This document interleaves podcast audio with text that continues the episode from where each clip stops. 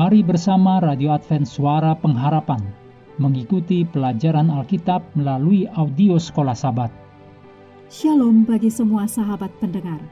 Kabar baik bahwa kisah dan kesaksian terkait siaran dan pelayanan AWR Indonesia kini dapat diikuti secara berkala, baik melalui siaran harian Radio Advent Suara Pengharapan setiap minggu kedua dan keempat juga melalui YouTube dan Facebook AWR Indonesia.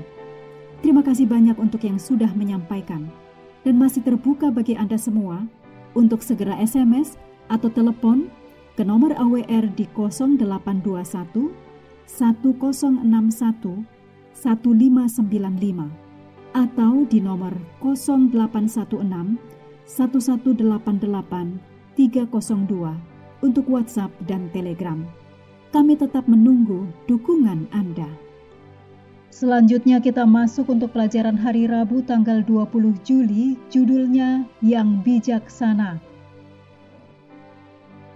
Mari kita mulai dengan doa singkat yang didasarkan dari Ibrani 12 ayat 14. Berusahalah hidup damai dengan semua orang dan kejarlah kekudusan, sebab tanpa kekudusan tidak seorang pun akan melihat Tuhan. Amin.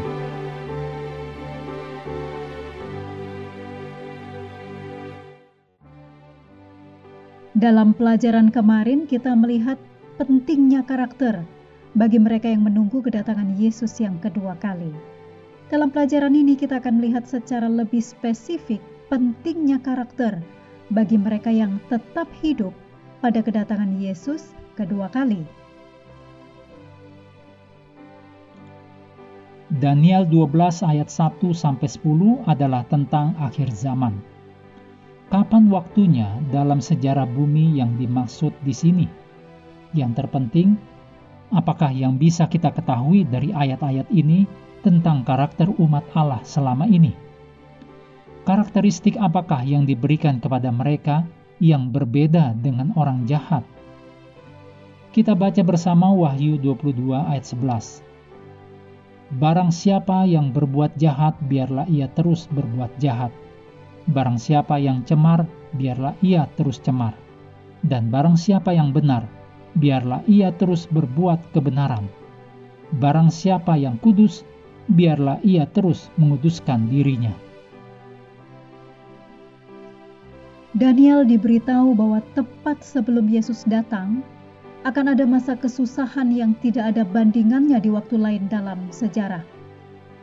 Dalam Daniel 12 ayat 3 dan 10, kita diberikan gambaran tentang orang benar dan orang jahat selama ini. Perhatikan bagaimana orang fasik akan berlaku fasik, dicatat dalam Daniel 12 ayat 10. Berbeda dengan orang benar, yang dalam ayat 3 bersinar terang, karena mereka telah disucikan, dibuat tanpa noda dan dimurnikan, selama waktu kesesakan yang besar, seperti yang belum pernah terjadi sejak ada bangsa-bangsa sampai pada waktu itu. Demikian dicatat dalam Daniel 12 ayat 10 dan juga Daniel 12 ayat 1. Sebaliknya juga orang fasik tidak memahami, tetapi orang benar adalah bijaksana dan memahaminya. Demikian dalam Daniel 12 ayat 10. Memahami apa? Matematika atau ilmu pengetahuan, atau higher criticism, yaitu metode untuk memeriksa Alkitab. Amsal mengatakan bahwa takut akan Tuhan adalah permulaan pengetahuan. Demikian dicatat dalam Amsal 1 ayat 7. Mungkin dalam konteks ini, bijaksana adalah bijaksana karena orang benar memiliki pemahaman tentang peristiwa-peristiwa akhir zaman tentang waktu kesesakan saat itu diungkapkan.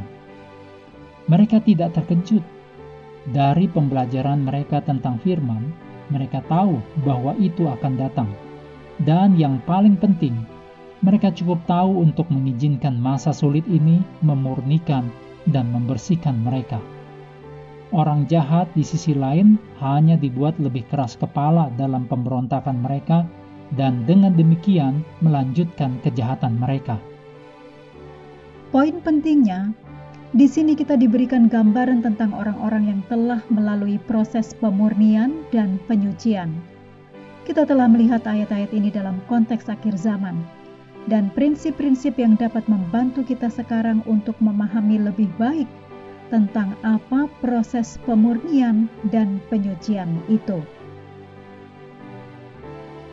Mengakhiri pelajaran hari ini, mari kita kembali ke ayat hafalan kita dalam 2 Korintus 3 ayat 18 dan kita semua mencerminkan kemuliaan Tuhan dengan muka yang tidak berselubung.